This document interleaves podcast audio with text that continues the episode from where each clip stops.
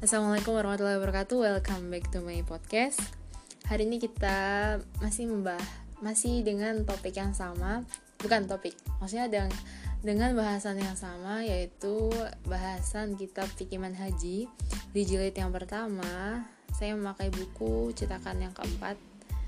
Nah, topik kali ini adalah tentang kurban.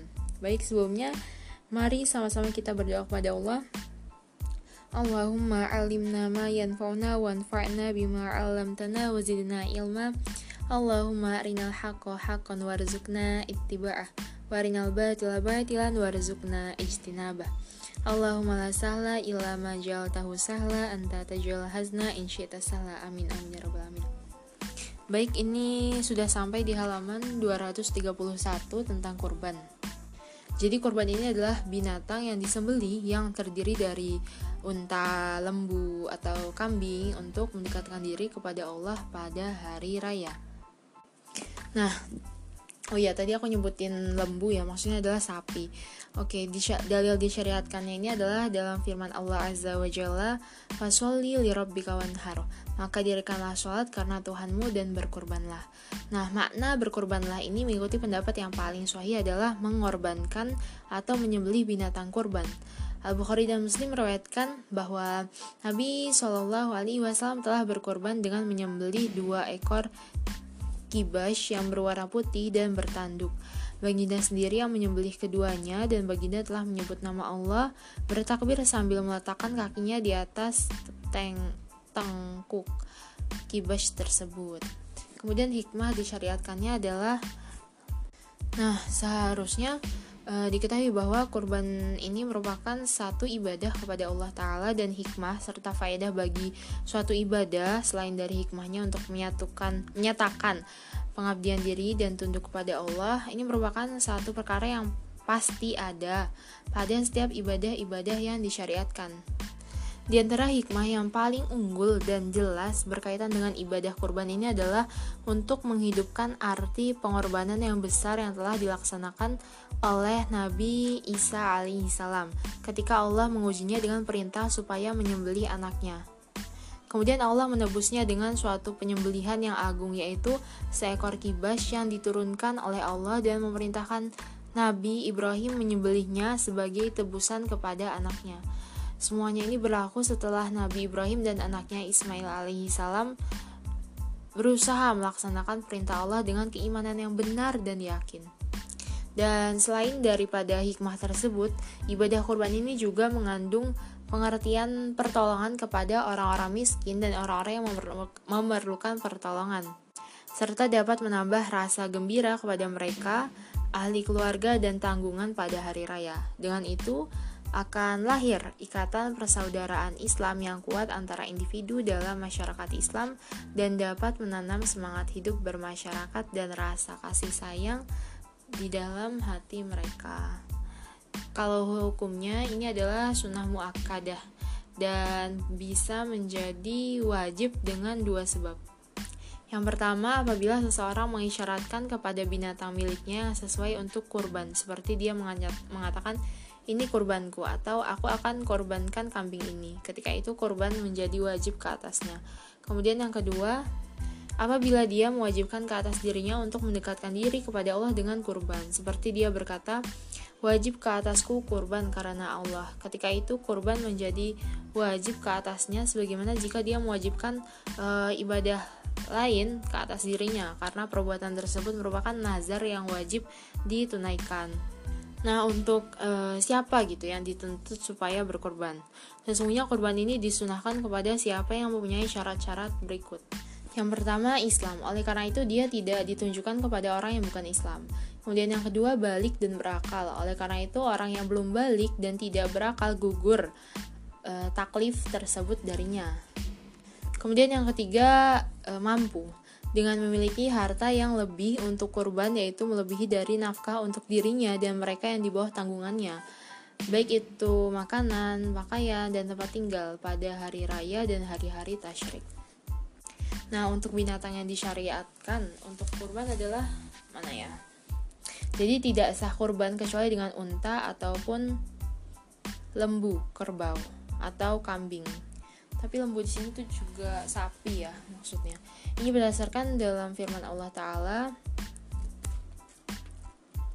di surah Al-Hajj ayat 34 Walikuli ummatnya ja'alna ma sakal liyazkuru smallahi ala ma razaqahum min bahimatil an'am. Dan bagi setiap umat kami ini disyariatkan penyembelihan kurban supaya mereka menyebut nama Allah terhadap binatang ternak yang telah direzekikan Allah kepada mereka. Nah, perkataan binatang ternak al-an'am ini sebagaimana dalam ayat di atas maksudnya adalah tidak keluar dari tiga jenis binatang ternak yaitu unta, sapi, dan kambing. Juga berdasarkan bahwa tidak diriwayatkan dari Nabi dan para sahabat bahwa mereka berkurban dengan binatang lain. Yang paling afdal adalah unta, kemudian sapi, kemudian kambing. Boleh berkorban berkurban dengan satu bagian dari tujuh bagian unta dan sapi, jadi seekor unta ataupun sapi bisa dibagikan kepada tujuh bagian gitu. Diriwayatkan dari Muslim dari Jabir radhiyallahu an katanya, kami melakukan kurban bersama Rasulullah Shallallahu Alaihi Wasallam pada tahun Hudaybiyah dengan dibagian dibagai dibagikan seekor unta kepada tujuh bagian dan seekor sapi juga dibagikan kepada tujuh bagian. Nah, kalimat unta di sini adalah termasuk unta jantan dan juga betina. Untuk syarat-syarat binatang kurban yang pertama umurnya ini syarat bagi unta haruslah umurnya ini sudah memasuki tahun ke-6 dan syarat bagi sapi dan kambing itu harus umurnya haruslah sudah memasuki tahun ketiga. Adapun syarat bagi kambing biri-biri haruslah umurnya ini sudah masuk tahun kedua atau gigi depannya ini sudah gugur karena bersalin walaupun belum sampai satu tahun. Ini berdasarkan hadis riwayat Ahmad dari Abu Hurairah radhiyallahu an. Katanya aku mendengar Rasulullah shallallahu alaihi wasallam bersabda, "Nikmatil udhiyatul jazau minat do'ni." Sebaik-baik binatang kurban adalah kambing biri-biri yang berusia 2 tahun.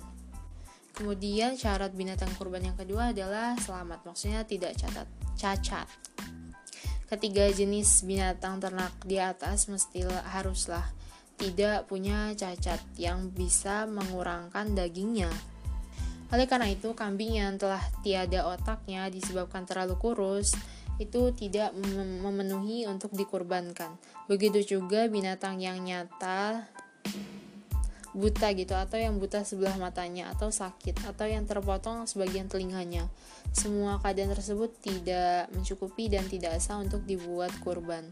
At-Tirmizi dan Abu Daud meriwayatkan dari Al-Barra bin Azib dari Rasulullah Shallallahu alaihi wasallam dalam sabdanya Arba'un la tujzi'u fil aduhi al-awra'ul bayyinu awaruha wal maridatul bayyinu maraduha wal arja'ul bayyinu arajuha wal ajfa'ul lati la tunqi. Yang artinya empat perkara yang menyebabkan binatang kurban itu tidak cukup, tidak sah untuk dikurbankan.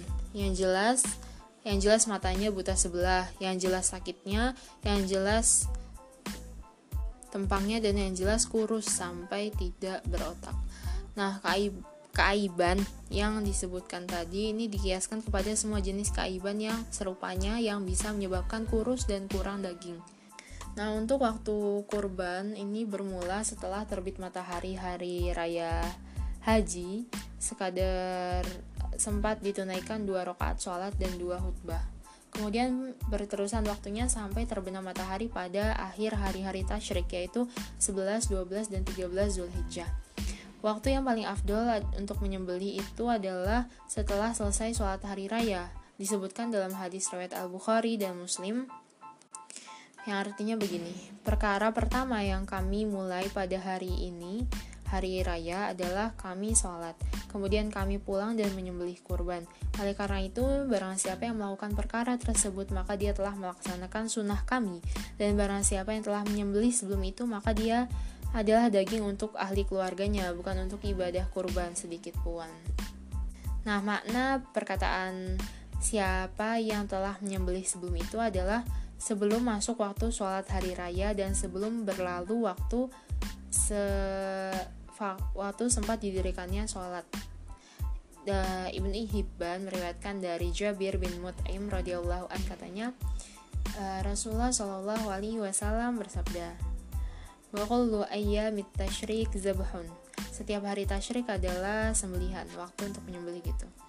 Kemudian apa yang dibuat dengan korban setelah disembelih? Jadi sekiranya korban itu wajib baik itu nazar ataupun ditentukan sebagaimana yang telah kita jelaskan maka tidak tidak boleh bagi orang yang melakukan kurban dan mereka yang di bawah tanggungannya memakan daging kurban tersebut Sekiranya salah seorang dari mereka memakan sedikit darinya, maka hendaklah diganti dengan daging lain atau dibayar dengan nilai gitu.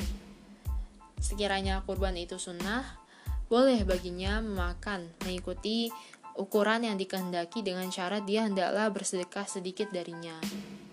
Yang paling afdol adalah makan sedikit untuk keberkahan dan sisanya disedekahkan uh, boleh baginya makan satu per tiga dan satu per tiga disedekahkan dengan fakir dan satu per tiga lagi dihadiahkan kepada sahabat-sahabat dan tetangga-tetangga sekalipun mereka adalah orang kaya.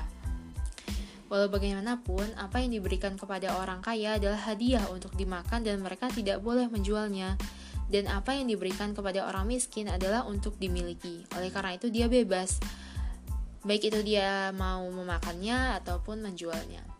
Dalilnya adalah dalam firman Allah Ta'ala dalam surah Al-Hajj ayat 36. Wal budna ja'alna lakum min sya'airallahi lakum fiha khair. Fazkuru smallahi 'alaiha sawaf junubuha fakulu minha wa at'imul qani'a wal mu'tar.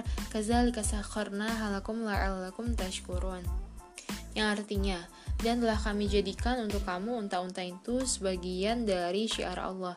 Kamu memperoleh kebaikan yang banyak padanya, maka sebutlah olehmu nama Allah ketika kamu menyembelihnya dalam keadaan berdiri dan telah terikat. Kemudian apabila dia telah mati, maka makanlah sebagiannya dan beri makanlah orang yang rela dengan apa yang ada padanya, yang tidak meminta-minta, dan orang yang meminta. Demikianlah kami telah menundukkan unta-unta itu kepada kamu. Mudah-mudahan kamu bersyukur. Nah, perkataan al-budna, unta, yang terdapat di dalam Al-Quran itu adalah binatang unta yang disembeli oleh orang yang berihram haji untuk diadikahkan kepada fakir miskin dan dikiaskan binatang-binatang kurban yang lain dengannya. Nah, bagi orang yang berkurban, dia boleh menyedekahkan kulit binatang kurbannya atau dimanfaatkan untuk dirinya, tetapi tidak boleh dijual atau diberi kepada penyembelih binatang kurban sebagai upah kepada penyembelihannya. Ini karena perbuatan tersebut bisa menyebabkan kekurangan pada binatang kurban dan merusak ibadah kurbannya. Al-Baihaqi meriwayatkan dari Nabi Shallallahu Alaihi Wasallam dalam sabdanya, Man ba'a jilda udhiyatihi fala udhiyatalahu Barang siapa yang menjual kulit binatang kurbannya maka tidak ada kurban baginya. Nah kemudian tentang sunnah dan adab-adab ibadah kurban. Jadi yang pertama adalah apabila masuk 10 Zulhijjah dan dia berazam untuk berkurban Maka sunnah baginya tidak menghilangkan bulu dan kukunya. Oleh karena itu, dia hendaklah menjaga keduanya dengan baik. Imam Muslim meriwayatkan dari Nabi Shallallahu Alaihi Wasallam dalam sabdanya, "Iza ra'aitum hilal zil hajjati wa arada ahadukum ain an yudahiya falyumsik an sya'rihi wa zofirihi." Yang artinya apabila kamu melihat anak bulan Zulhijjah dan salah seorang dari kamu ingin melakukan ibadah kurban, maka hendaklah dia menyimpan bulu dan kukunya.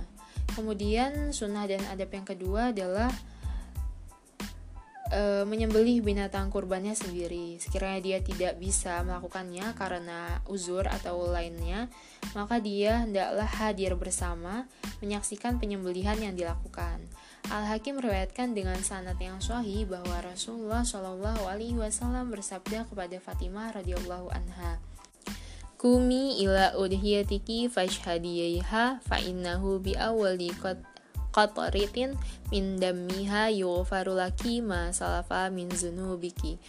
Qalat ya Rasulullah hazalana ahlil baiti khasa awlana lil mus walil muslimina amah. Qala balana walil muslimina amah. Yang artinya bangunlah uh, kepada kurbanmu dan saksikanlah dia. Karena sesungguhnya uh, titisan darah yang pertama maka akan diampunkan dosamu yang terdahulu. Fatimah kemudian bertanya, "Wahai Rasulullah, ini adalah untuk kita ahli bait saja atau untuk kita dan orang-orang Islam seluruhnya?" Rasulullah menjawab, "Bahkan untuk kita dan untuk orang-orang Islam seluruhnya." Oke. Kemudian sunnah dan adab yang ketiga adalah sunnah bagi pemerintah orang-orang Islam atau pemimpin mereka untuk berkorban menggunakan harta baitul mal bagi pihak orang-orang Islam. Sesungguhnya diriwayatkan dari Muslim bahwa Rasulullah Shallallahu Alaihi Wasallam telah kurbankan seekor kibas dan baginda mengucapkan semasa penyembelihan uh, Bismillah. Allahumma taqabbal min Muhammad wa ali Muhammad wa ummah Muhammad. Ya Allah terimalah dari Muhammad. eh, Ya Allah dengan nama Allah ya Allah, ya Allah terimalah dari Muhammad dan keluarga Muhammad dan umat Muhammad Kemudian baginda menyembelih di tempat sholat di mana orang ramai berkumpul untuk sholat dan baginda menyembelih binatang tersebut dengan tangan baginda sendiri. Dan diriwayatkan oleh Al Bukhari di dalam sohinya dari Ibnu Umar radhiyallahu an katanya Rasulullah Shallallahu alaihi wasallam menyembelih binatang kurbannya di tempat didirikannya sholat. Oke, kita selesai di bab kurban. Insya Allah setelah ini akan dibahas tentang sholat taraweh. Syukuran, semoga bermanfaat. Wassalamualaikum warahmatullahi wabarakatuh.